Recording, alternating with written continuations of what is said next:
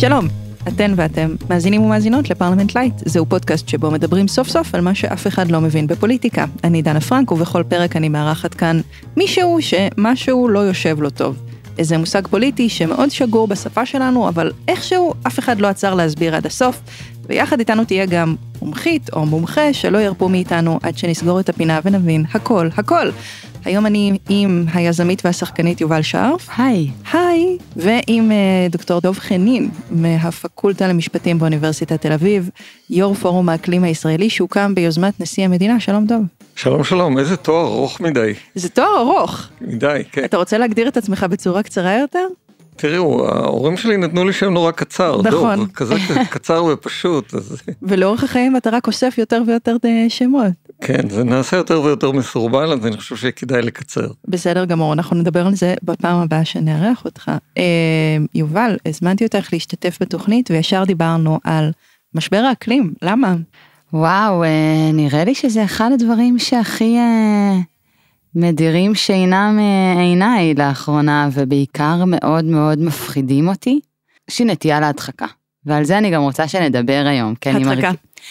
כן, כי אני כאילו מרגישה שהפער הכי גדול שאני חווה, לגבי כל דבר שהוא אה, פוליטי או משהו שקצת מפחיד אותי, מה המשמעות שלי בעשייה או בידע, ואחרי הידע באמת ללכת ולקום ולעשות, ייתן לעולם. אה, ואז אני נעה במין אה, סרגל כזה של מצד אחד אני מפחדת, ואני מודעת, ואז אני מדחיקה, כי אני אומרת, אוקיי, איזה משמעות כבר יש לי, אבל בלב ליבי אני יודעת שיש לי משמעות, כי לכל אחד מאיתנו יש משמעות. איזה דבר יפה לומר. אה, ואני רוצה, שמתי לי כמשימה השנה הזאת, קודם כל ללמוד. אה, הרבה דברים שאני לא יודעת, או שבמשך שנים בחרתי לרצות לא לדעת בשביל לשרוד, אה, ואז לראות מה עושים איתם, כי אני פשוט מפחדת לאן העולם הזה הולך. הרבה דברים שהם אה, מאוד אה, חשובים ומהותיים. ודרמטיים. ודרמטיים, זה נכון. כזה. יש משהו בסיפור הזה של משבר האקלים שהוא באמת חושף אותנו למחשבות מאוד, אה, איך אני אגיד את זה? חרדתיות? חרדתיות אבל גם מאוד ראשוניות בבסיס של מי אני, מה ההשפעה שלי על העולם, מה אני יכול לעשות, ואנחנו גם נדבר על למה הדבר הזה הוא פוליטי. נכון. ניתן רגע הגדרה מילונית זריזה, כמה שאפשר. משבר האקלים, שם לשינוי של מזג האוויר והטמפרטורות הממוצעות לאורך זמן ובקנה מידה עולמי. בקיצור, העולם שלנו מתחמם בגלל פעילות אנושית וליתר דיוק בגלל אה, פליטה של גזי חממה. מאז המאה ה-19, בני האדם גורמים לשחרור של כמויות מאוד גדולות של פחמן דו-חמצני וגזי חממה אחרים לאוויר. במילים פחות יבשות, הצמיחה הכלכלית המואצת במערב ב-150-200 שנים האחרונות, היא בין היתר בגלל שהצלחנו להחליף כוח אדם במכונות, שמונעות באנרגיה זולה במקורות בלתי מתחדשים. זאת אומרת, נפט ופחם. האנרגיה הזולה הזאת זה משהו שאנחנו משלמים עליו ביוקר, כי השריפה שלהם גורמת לעלייה בכמות גזי החממה, פחמן דו-חמצני, מתאן ותחמוצות חנקן. היום יש לנו 40% יותר גזי חממה באטמוספירה מאשר ב-1900. גזי החממה יוצרים מין צמיחה כזאת באטמוספירה שבולעת את החום שכדור הארץ פולט עקב קרינת השמש, ומונעת מהחום הזה להשתחרר לחלל. יש הוכחות מחקריות שגזי החממה באטמוספירה הם הסיבה העיקרית לעליית הטמפרטורה העולמית. הוכח כי גורמים אפשריים אחרים כמו התפרצויות וולקניות, שינויים בפעילות השמש, או מקורות טבעיים של פחמן דו-חמצני הם לא הגורם. גם אם יש להם השפעה קטנה בנוסף לתרומה האנושית. שינוי האקלים, בין היתר גורם לתופעות המקסימות הבאות, המסת קרחונים בכתבים ובראשי הערים, עלייה במפלס פני הים, עלייה בתדירות ובעוצמה של תופעות מזג אוויר קיצוני, סערות, עצורת, גלי חום, התפשטות מחלות, מחסור במי שתייה ובמזון, יצירת פליטי אקלים ועוד, איך אפשר להגיד ועוד בסוף רשימה כזאת? אלוהים ישמור. כבר מהמאה ה-19 אנחנו יודעים שיש אפקט חממה של גזים, כמו פחמן דו-חמצני, שמשתחררים בשריפת דלק ובכל מיני תהליכים אחרים מעשי ידי אדם. אין לנו ספק בדבר הזה, כי אנחנו ממש יודעים שמגמת ההתחממות הנוכחית מהירה בערך פי עשרה, אפילו מההתחממות למשל בסוף עידני הקרח שהיו כאן. זה היה טקסט מאוד כיפי ומשמח, אה, אוקיי. דוב, בוא נלך שלב אחרי שלב. קודם כל, אנחנו מייצרים המון המון גזי חממה, וגזי החממה האלה הורסים את כדור הארץ, ואנחנו יודעים את זה. זאת אומרת, אם הבעיה כל כך מוכרת, איך זה יכול להיות שהיא עדיין בעיה? אכן שאלה קשה. אולי השאלה הקשה. כן, אכן שאלה קשה. אה, בואי נתחיל בזה שכדאי למאזינים והמאזינות שלנו להבין שהנושא שאנחנו מדברים עליו הוא לא איזשהו נושא רחוק, שאת יודעת רלוונטי לעתידם של דובי הקוטב שלא מוצאים קרח לעמוד עליו. אנחנו מדברים על משהו שהוא ממש ממש רלוונטי לחיים שלנו. אנחנו מדברים על משהו שהוא אה, צריך להטריד אותנו. הוא ישפיע על החיים שלנו ושל ההורים שלנו, לא רק על החיים של הילדים שלנו. ואכן הבעיה היא בעיה מוכרת, היא בעיה שקיימת לגבי הסכמה מדעית מאוד רחבה. חיים על פני האדמה הם דבר מאוד מאוד עדין, שביר, שנוצר במציאות אקלימית מאוד נוחה. המציאות האקלימית הזאת הולכת ומשתנה לנגד עינינו. אז זו טענה מדעית אחת שיש עליה הסכמה. הטענה המדעית השנייה שיש עליה הסכמה היא, כמו שאמרת, הדבר הזה נגרם בגלל פעילות אנושית. אה, יש כאלה שקוראים לעידן שלנו עידן הפירוקן, כן, עידן השריפה הגדולה. אנחנו שורפים, שורפים כל הזמן דברים. אה, למשל נפט, פחם וגז, מייצרים גזי חממה ובאופן הזה מייצרים את אותו אפקט חממה שמשנה בעצם את המערכת האקלימית שלנו. גם אצלנו בשיח הישראלי מדי פעם אפשר למצוא מרואיינים שיכולים להסביר שאין משבר ואין בעיה וזה הכל המצאה או איזושהי קונספירציה של כל מיני גורמים שמעוניינים לקדם את האינטרסים שלהם. אז לטובת המאזינים שלנו שלא מכירים את הנתונים, אז הנה הנתון הראשון, 99.9 אחוז מהמחקרים בתחום הרלוונטי מסכימים עם שתי הטענות המדאיגות האלה, התחממות קיימת מואצת מסוכנת, נגרמת בגלל פעילות אנושית. זה שיעור הסכמה מאוד מאוד גדול בקהילה המדעית, זה שיעור הסכמה יותר גדול מאשר ההסכמה שקיימת על תורת היחסות של איינשטיין. כדי להבין למה אנחנו לא פועלים, צריך להבין שהבעיה הזו היא לא תוצאה של איזושהי מערכת של טעויות. אם הבעיה הייתה טעות, המצב היה נורא פשוט, הרי מה קורה כשיש טעות? אנחנו הולכים לטועים, ואומרים להם טעיתם, נכון? ומה אומרים לנו הטועים? וואו, טוב שבאתם, חבל שלא באתם אתמול, כן? אנחנו לא עוסקים כאן בטעויות, אנחנו עוסקים כאן באינטרסים. כמו לדוגמה, אה, לגרום לנו לחשוב אולי שבעצם it's too late. כן. שזה מה שאני חוויתי, ואני בטוחה שהרבה מאזינים יכולים להבין את זה, שאוקיי, זה המצב, הייתה מהפכה תעשייתית, אנחנו מתקדמים, העולם הולך לשם. נשרפים אה, גזי חממה, that's life. וכאילו אין מה לעשות, אז נתמודד עם זה, ואולי הנטייה שלנו לחשוב זה שעוד מאה שנה יהיה מה שיהיה, ואנחנו כבר לא נהיה פה, אבל זה לא נכון. אני חושבת שזה משהו שכן צריך מאוד מאוד מאוד לחדד, שהתפיסה הזאת של אין מה לעשות, היא שגויה. אה, ואני חושבת שהיא קצת משהו שהם מכניסים לנו לראש, לא? לגמרי. זה מאוד מעניין לדבר על ההתפתחות של המאבק הפוליטי מסביב mm-hmm. למשבר אקלים. אה, עוד בשנות ה-80 של המאה ה-20 היה ויכוח על השאלה האם האטמוספירה של כדור הארץ מתחממת. והיו גורמים שהשקיעו הרבה זמן והרבה מאמץ בלשכנע אותנו שאין בעיה. זאת אומרת, האטמוספירה של כדור הארץ לא מתחממת, ואם היא מתחממת זה חלק ממחזור טבעי, קצת מתחממת וקצת מתקררת, ואין בעצם בעיה אמיתית ולא צריך לדאוג משום דבר. השלב הזה בוויכוח על משבר האקלים הסתיים בסוף שנות ה-80, כאשר בעצם הגיעו מדענים לאותם מקבלי החלטות, ואמרו למקבלי ההחלטות, תראו, יש לנו בעיה, בעיה מאוד מאוד רצינית. האטמוספירה של כדור הארץ מתחממת, וזו בעיה שצריכה להדאיג אותנו, כי זה עלול להוביל אותנו למצבים מסוכנים. התהליכים האלה של השימועים שהתקיימו בכל הפרלמנטים, ברוב הפרלמנטים המרכזיים בעולם, בסוף שנות ה-80, הובילו להחלטה מאוד מאוד מיוחדת, יוצאת דופן, להקים את אותו גוף של מדענים שנקרא בשם IPCC, שעוקב בעצם אחרי הבעיה הזאת. גוף מדענים אה, באמת חסר תקדים, אה, שהוקם בעצם מתוך ההבנה שיש לנו פה בעיה מאוד מאוד רצינית שצריך לעקוב אחריה. אז בסוף שנות ה-80 כשמוקם ה-IPCC, אפשר להגיד שמסתיים הוויכוח הרציני על השאלה האם יש בעיה. אבל הוויכוח לא נעלם לגמרי, הוא עובר לתחום אחר. שנות התשעים הם השנים של הוויכוח על השאלה, אוקיי, יש לנו בעיה, אבל מה גורם לבעיה הזו?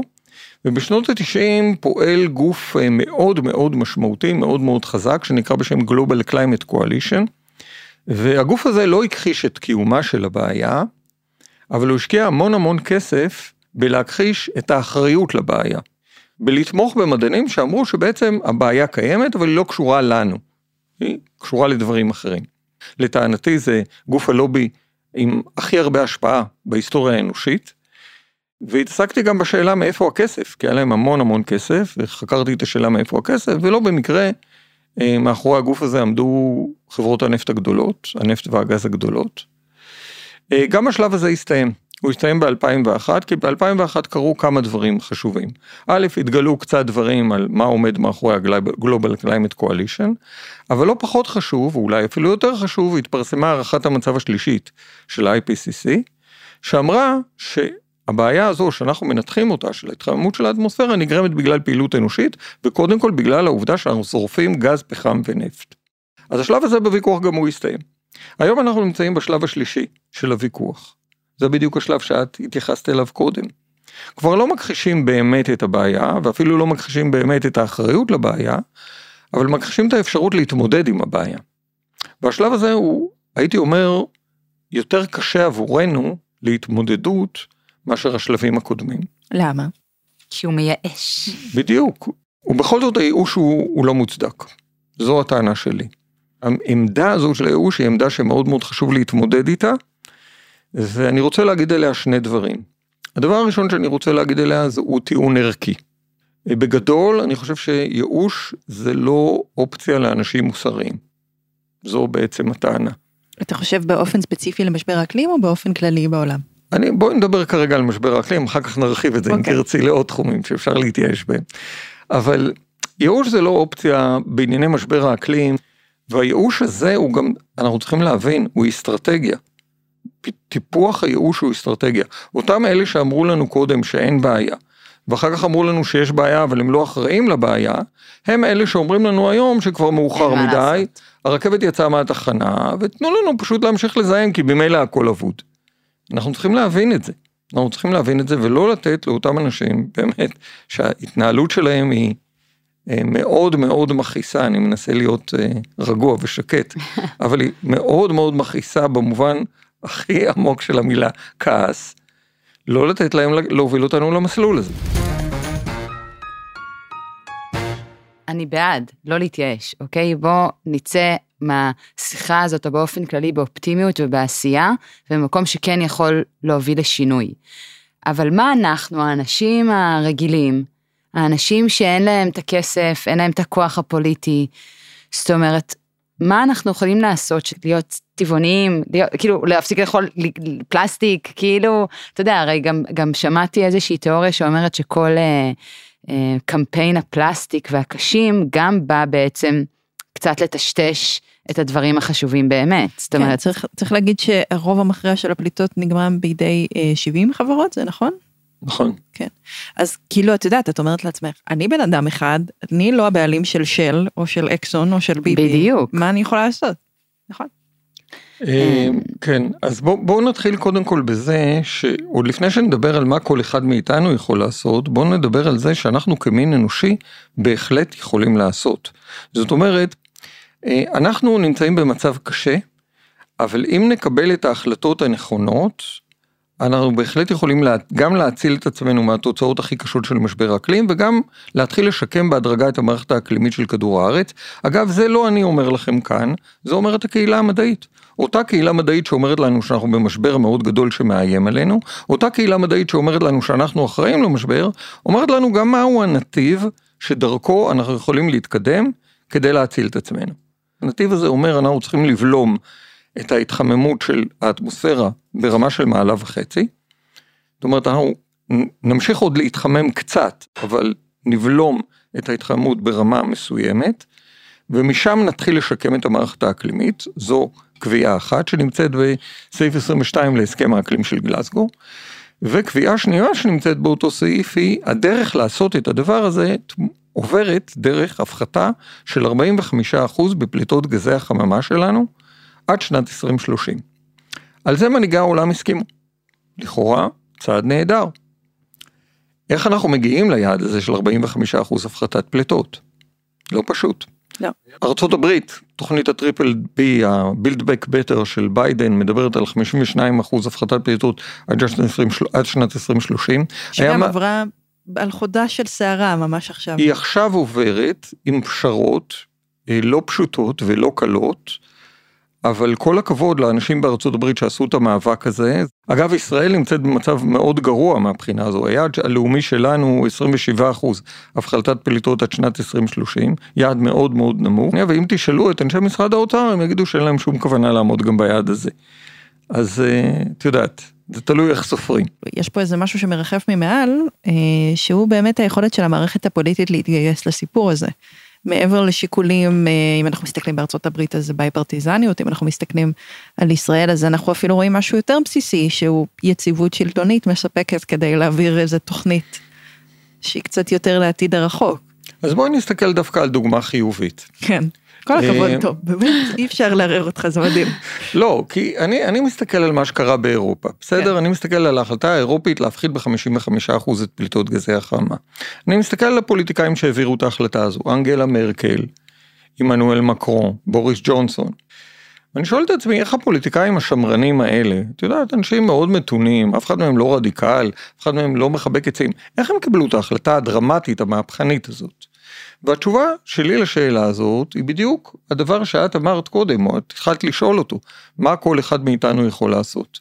באירופה בשנת 2019 היה גל אדיר של מחאה של אנשים צעירים ובני נוער, גרטה טומברג הייתה ועדיין השם הכי בולט, של המון המון המון חבר'ה צעירים שיצאו החוצה לרחובות ואמרו לפוליטיקאים, חבר'ה, אתם הורסים לנו את ההווה ואת העתיד, אנחנו לא, מש... לא נשלים עם זה. לא מעט פוליטיקאים נתקלו אצלם בבית, בשולחן ארוחת הערב של יום שישי או יום ראשון, בבנים ובנכדים שלהם, שאמרו להם שהדבר הזה פשוט לא יכול להמשיך להיות. הלחץ הזה האדיר, הלחץ הדמוקרטי האדיר הזה מלמטה, הכריח את המערכת הפוליטית ואת הפוליטיקאים האירופאים לעשות דבר שהם לא רצו לעשות אותו. הם לא רצו לעשות אותו, אבל הם עשו אותו, והם עושים אותו. אז אני אומר, בואו ניקח את הדוגמה הזו וננסה ללמוד ממנה איך הדברים יכולים לעבוד. דיברת באמת על מצב מאוד מאוד בעייתי, למשל המצב שנמצא בארצות הברית, שבו בעצם המערכת הפוליטית מחולקת חצי חצי, וקשה מאוד להעביר תוכניות אקלימיות, כי חצי של המערכת הפוליטית מתנגד לכל מהלך בכיוון הזה. שזה גם מטורף שאנחנו פשוט השלמנו עם זה.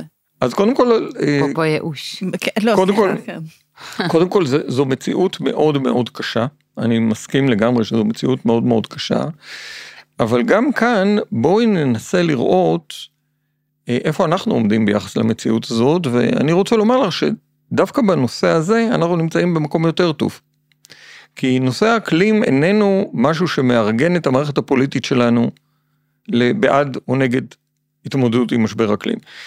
צריך להגיד את, את הדברים ביושר, זה נובע קודם כל מהפרימיטיביות של המערכת הפוליטית הישראלית, שהיא במשך הרבה שנים הייתה מאורגנת מסביב, מסביב לציר אחד ויחיד, שזה הסכסוך הישראלי-פלסטיני, נכון. שטחים או שלום, ובשנים האחרונות היא מאורגנת מסביב לשאלה אם אתה בעד נתניהו או נגד נתניהו. בציר הזה, הציר המארגן של הפוליטיקה הישראלית, לכל אחד יש עמדה נורא ברורה, אתה לא תזיז אותו סנטימטר ימינה או שמאלה. תזוז קצת למעלה, או קצת למטה, קצת ימינה או קצת שמאלה, מהציר המארגן הזה, ואתה נמצא במרחב שהפוליטיקאים בישראל חווים אותו כמרחב לא פוליטי. מצד אחד זה בעייתי. תנסי פעם לארגן כנס על משבר אקלים בכנסת, ותראי שיגיעו רק שני עוזרים פרלמנטריים, וגם הם ישחקו עם הפלאפון שלהם כל, כל הזמן הדיון. למה פוליטיקאים לא יגיעו לכנס הזה? כי זה לא פוליטי. פוליטיקאים מתעסקים בפוליטיקה, וזה לא פוליטי, זה לא מעניין פוליטיקאים. זה המינוס. הפלוס הוא שכיוון שהתחומים האלה לא מוגדרים כתחומים פוליטיים, היכולת לייצר מסביבם הסכמות בחברה הישראלית היא הרבה הרבה יותר גדולה מאשר כמעט בכל מקום אחר. אולי זה מה שיאגד אותנו. לגמרי. איפה זה חובר על האינטרסים של המפה הפוליטית והכלכלית? זאת אומרת, זה כבר מזמן לא רק משבר אקלים, זה משבר פוליטי, חברתי, הומניטרי. שאלה מצוינת, וגם כאן אה, התשובה בישראל היא יותר פשוטה מאשר במקומות אחרים. למשל, אה, אין לנו בישראל תעשייה כבדה מאוד מאוד משמעותית. אין לנו אה, משאבי נפט או פחם יש לנו אינטרס גדול להשתחרר מפחם שהוא מאוד מאוד מזהם ומאוד בעייתי. מצד שני, יש לנו גז. כן. ויש לנו טייקוני גז שהם כמובן בלם לשינוי, כי הם יגידו לנו למה צריך שמש, יש לנו גז. יש לנו גם מלא שמש. המון שמש. יש לנו המון, בדיוק, יש. יש לנו המון שמש, ובואו נסתכל רגע על, אם אנחנו מסתכלים על מפת אינטרסים, בואו ניקח את שאלת האנרגיה כדוגמה. לניתוח של אינטרסים. אז מצד אחד נכון, יש לנו טייקוני גז שלהם יש אינטרס שנהיה תלויים בגז. אבל אם אנחנו מסתכלים על האינטרסים של ישראל במבט יותר רחב, אנחנו יכולים לראות המון המון אינטרסים בצד השני. בואו נתחיל משאלה שהיא שאלה שמאוד מאוד מטרידה, כן מטרידה, את המערכת הפוליטית בישראל והיא שאלת הביטחון. האם זה הגיוני שמדינה כמו מדינת ישראל תהיה תלויה במשק האנרגיה שלה בשניים או שלושה מאגרי גז, בשתיים או שלוש אסדות גז גדולות שנמצאות בים? שברגעים אלו ממש נמצאות במוקד של סכסוך בין ישראל לבין חיזבאללה. בדיוק. נכון, שנמצאות במוקד, והנה אה, היה סרטון שהראו בו את אסדת הגז אה, דרך אה, כוונת. עיניו של רחפן, כן. כן, בקיצור, זה, אני אומר, בר- ברמת העיקרון המהותי צריך להבין שיש בזה משהו מאוד מאוד לא הגיוני היגיון. וחסר אחריות. להשאיר את הביטחון האנרגטי של ישראל תלוי באסדות גז בים. אבל את זה גם לעומת רוב זאת- האנשים לא יודעים. למה, איך זה יכול להיות שרוב האנשים לא יודעים? העניין הוא שאנשים צריכים להבין שיש לזה אלטרנטיבה. והאלטרנטיבה היא בדיוק אותה שמש שהיא גם מאוד מאוד זולה. היום שמש פלוס אגירה, כן? אנרגיית שמש פלוס אגירה, כי אין לנו הרי שמש בלילה. בישראל היא יותר זולה מגז, יותר זולה מנפט, יותר זולה מפחם, הכי זולה. אז יש לנו את זה יכול להיות בזול. שזה אפילו יוריד את יוקר המחיה. יש פה פתרון כפול. אני פשוט, אנחנו יושבים ומדברים ואני אומרת לעצמי, הלוואי שמישהו ישלב את זה בקמפיין הבחירות שלו. כן, לא. זה- תכף- תכף נדבר על קמפיין הבחירות, אבל או, בואי או. בואי נדבר עוד לפני קמפיין הבחירות, נדבר כן. על עוד יתרונות של הדבר הזה. יש לנו בתים, אנחנו גרים בבית משותף, הגג של הבית המשותף שלנו יכול להיות אה, גג סולארי שמייצר אנרגיה, מייצר לנו חשמל, נמכור גם מש- חשמל למערכת, נוכל להרוויח מזה כסף. יש זו- לזה שם ליוזמה הזאת, נכון? תנו לשמש גג. תנו לה שם שגג. שם קסים. ש- גם שיר נפלא, לא? אני חושבת שכל הכבוד, אין לי מה להגיד. כן. אז אה, אני אומר... אני רק אגיד ששנינו, אנחנו יודעים את זה כי ממש לפני תחילת השיחה יובל אמרה שיש לה מטרה לעשות את זה במניין הדירות שלה. נכון, וגם שדיברתי על זה עם דוב אה, בזמנו, ואמרתי לו שאני רוצה לקדם את זה ב- בבניין שלי, אז דיברנו על זה שזה גם צריך להיות משהו שלא כל תושב ידאג לזה שהבניין הספציפי שלו יעשה, אלא זה צריך להיות משהו שהוא קולקטיבי. זאת אומרת, זה צריך להיות משהו שהמדינה יוזמת ועושה, ולהבין את, ה, את המשמעות ואת הערך של זה, גם החינוכי, גם הכלכלי, אה, וגם כמובן האקלימי. ואיך הלך לך עם ועד הבית? תשמעי, זה מתקדם, אני, באמת? אני, אני אני, אני ממש מופתעת כתבתי, אני. כתבתי בקבוצה, ויש לי בניין מאוד רציני, של אנשים מאוד מאוד רציניים, כן. אני לא אנקוב בשמם. אה, ו- ואמרו שנתחיל לעשות על זה ברור. אני, כן, אני אעדכן ב... אז אני זה-. נהדר שיובל אה, לקחה על עצמה את הדבר הזה, וזה נהדר שהשכנים שלה אנשים רציניים, אבל כמו שיובל אמרה, תחשבו לרגע על מצב שבו מדינת ישראל באה לכל הבתים המשותפים בישראל ואומרת להם, תשמעו, אנחנו נותנים לכם את האפשרות, אנחנו נותנים לכם את הייעוץ המקצועי, אנחנו נותנים לכם הלוואה, תחזירו אותה אחר כך, אפילו עם ריבית. נותנים לכם הלוואה כדי לייצר את זה. אנחנו נשלח אליכם את אנשי המקצוע, הם יתקינו לכם את הדבר הזה. אתם לא תצטרכו רישיון, לא תצטרכו... להקל עלינו כמה להקל שיותר. על, עלינו כמה שיותר. ואני בטוח שברגע שדבר כזה יקרה, המון אנשים יעשו את זה. זה רעיון נורא טוב בעיניי. אני מאוד הייתי רוצה שהמדינה תעשה כזה דבר. מה האפיק שבו אני יכולה לפעול כדי שדבר כזה יקרה? מהמם. בסופו של דבר, מי שיכול לדאוג לעצמו לגג כזה, זה מי שיש לו קשר עם ועד הבית, אולי הוא לא שוכר, אלא אה, חי בדירה שהיא בבעלותו. זאת אומרת, יש פה איזו שכבה באוכלוסייה שאנחנו אולי לא יכולים לדרוש ממנה לקחת אחריות. לא, אנחנו. לא, אנחנו לא דורשים לה- מהשכבה באוכלוסייה לקחת אחריות, אנחנו דורשים את הדבר הזה מהמדינה. את לגמרי צודקת. הבחירות מתקרבות, ואני חושבת שכל מפלגה צריכה להכניס את זה במצע שלה. אבל האם זה יקרה? אנחנו עכשיו היינו בארבע מערכות בחירות, אני כבר איבדתי את החשבון. אני חושבת כן? שאנחנו בחמש. מאז שעזבתי את הכנסת ב-2019, יש תחושה שהמערכת אה, לגמרי איבדה את הצפון. אתה צריך לחזור, דוב. חושבת- כן, כן, לא, לחזור. הייתי בכנסת אה, לפני. איזה כמה שבועות לאיזה ביקור, ומישהו מאנשי הצוות המקצועי בכנסת אמר לי, דוב, אני לא יודע מה קרה, רק יצאת מהבניין, תקרה נפלה. תחושה לא נעימה. בכל מקרה, אה, באחת ממערכות הבחירות האלה יאיר לפיד פרסם סטטוס. נכון, ראיתי את זה. והוא כתב, אני נפגש עם אנשים צעירים, וכל האנשים הצעירים שאני נפגש איתם מדברים איתי על משבר אקלים. ואני עכשיו מבין מישהו יכול נושא- להגיד לי מה זה? סתם, סליחה. בדיוק, מישהו יכול להגיד לי מה זה, ועכשיו הוא אומר, כותב בסטטוס הזה, אני מבין שזה נושא רציני ואני מתכוון להתייחס אליו במלוא הרצינות. עכשיו, אני לוקח רגע, תורידו את החיוך, בסדר? תורידו את החיוך לרגע, ותתייחסו לסטטוס הזה בדיוק כביטוי של מה שקרה שם. פוליטיקאי שרוצה להיבחר, נפגש עם אנשים צעירים, הוא רוצה את התמיכה שלהם, והוא שומע מהם מה שמטריד אותם, ושכנראה לא היה לגמרי במודעות שלו. והוא אומר, אני מקשיב לכם, ואני רוצה את התמיכה שלכם, ולכן אני אעשה משהו בעניין. אז אני, אני אומר בסדר, תמיד יש את השאלה אם הפוליטיקאים גם מבצעים את מה שהם מבטיחים, אבל השלב הראשון הוא שהם לפחות יבטיחו. השלב הראשון הוא שלפחות יבטיחו. אתה אומר זה צריך לבוא מלמטה, זה צריך לבוא מאיתנו. אני חושב שזה צריך לבוא מאיתנו, אני חושב שאנחנו צריכים אה, להיות אה, מאוד מאוד ברורים בדרישות שלנו מהפוליטיקאים. יש עוד המון המון רעיונות שהם מאוד מאוד פשוטים, הם עוזרים לנו להתמודד עם משבר האקלים, והם הופכים את החיים שלנו ליותר טובים בהווה. זו נקודה שהיא נורא נורא חשובה. אנשים לפעמים אומרים, אוקיי, משבר אקלים, להתמודד עם משבר אקלים, מה זה אומר? זה אומר שאני אצטרך... אה, להפסיק לטוס. כן, לא, לא אני, לאכול, אני לא צריך זה, לוותר לא. על החיים הטובים. אני צריך כן. לוותר על החיים הטובים, אני צריך לחיות חיים כאלה מאוד מאוד מצומצמים ומאוד סקפניים.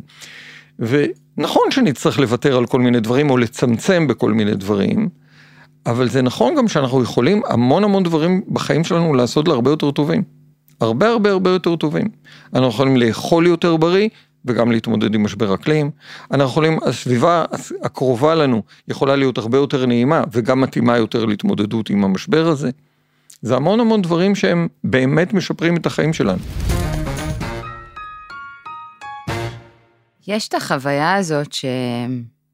נגיד אימא שלי, אוקיי? שכאילו באמת אישה פשוטה, לא מעורבת יותר מדי חברתית, פוליטית, אישה כאחת האדם.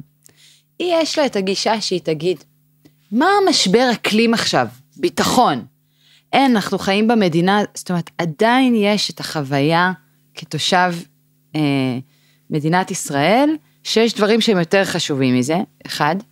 זאת אומרת, איך אנחנו משנים את התפיסה הזאת, וגם בתפיסה הזאת של הזבוב הקטן הזה, שאני לפעמים מרגישה ככה, לא רק כשאני בניו יורק, אלא גם באופן כללי, שאני אומרת, אוקיי, אז אני, אני ממש ממש רוצה אה, להפוך לטבעונית, או זה, אבל האם זה, האם זה מה שישנה? האם זו דוגמה אישית? האם לכל אחד יש משמעות?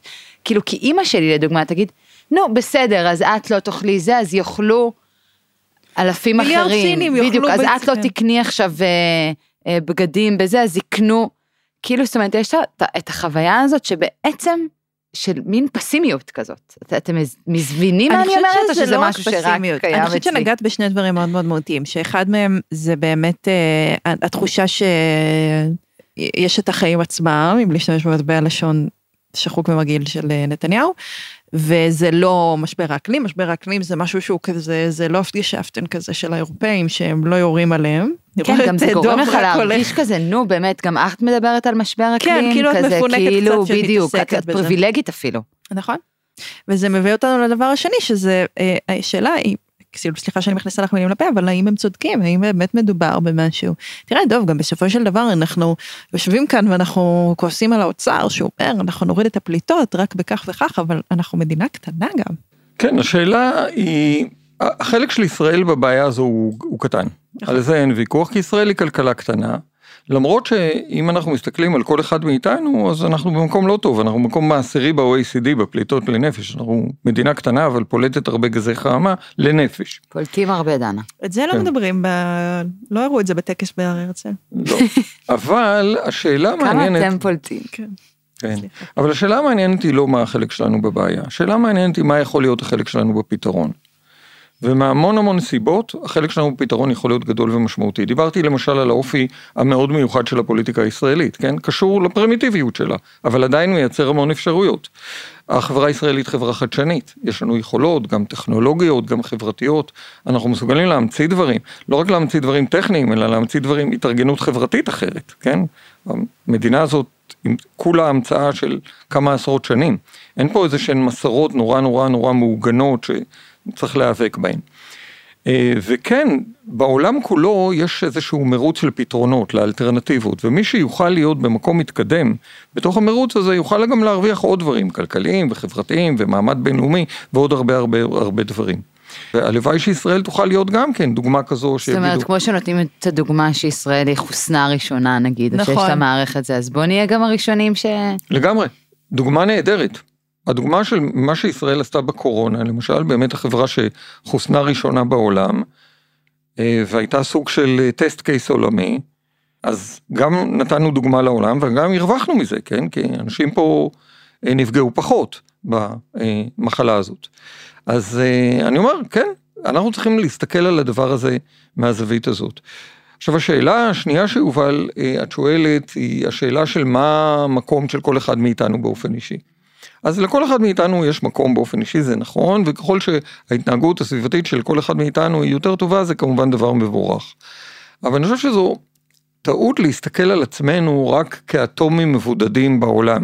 זאת אומרת, ואז לשאול, אוקיי, דוב, האם אתה נוסע בתחבורה ציבורית או שאתה נוסע באוטו פרטי? זו שאלה מעניינת, ועדיף לנסוע בתחבורה ציבורית כמה שיותר ופחות באוטו פרטי. אבל לכל אחד מאיתנו יש תפקיד בתוך המערכת החברתית. אנחנו לא סתם אטומים מבודדים בחלל. הנה, אנחנו עכשיו מנהלים שיחה, ולפודקאסט הזה יהיו לפחות חמישה מאזינים, ככה אני שמעתי. כן, זה מי שפה. כן, בחדר. ולכל אחד מהחמישה מאזינים יש קרובי משפחה וידידים ומכרים, ויכול להיות שדברים שאנחנו אומרים פה יהדהדו בשולחן השבת של עוד אנשים, ויגיעו לעוד מעגלים. וכן, אה, השאלות שאנחנו שואלים כאן, כמו מה כל אחד מאיתנו יכול לעשות, יועדדו בעוד מעגלים ובעוד מעגלים וכדומה. עכשיו, בתוך החברה הישראלית אנחנו צריכים להבין, לכל אחד מאיתנו יש המון המון השפעה. זו חברה שהיא בסופו של דבר נורא קטנה. ומה שיובל אומרת רלוונטי כי הרבה אנשים מסתכלים ושומעים אה, מה שיובל אומרת כי בן אדם שיש לו מעמד ציבורי.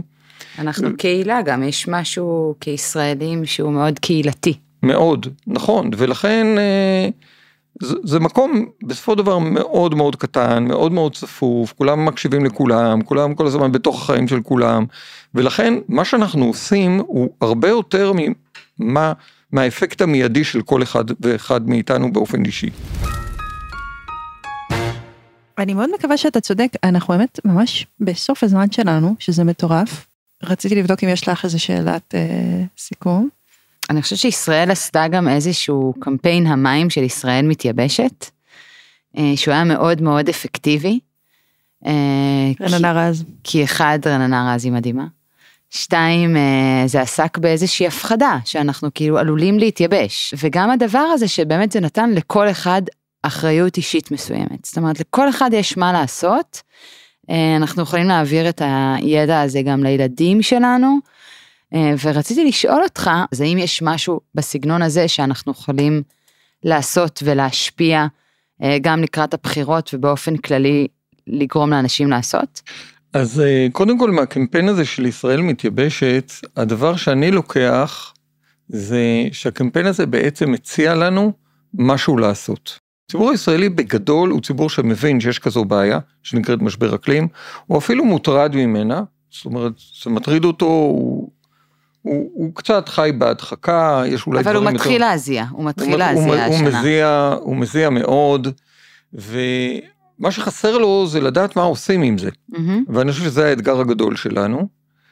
והיבט נורא חשוב בעניין הזה, זה להבין שכשאנחנו מדברים עם הילדים שלנו על משבר אקלים, אנחנו צריכים גם להיות מאוד מאוד מודעים לעובדה שהדבר הזה יכול לייצר חרדות מאוד גדולות, ולהתנהל בצורה מאוד אחראית. המטרה שלנו היא לא לייצר דור של אנשים מפוחדים ומיואשים, אלא לייצר דור של אנשים נחושים ולוחמים.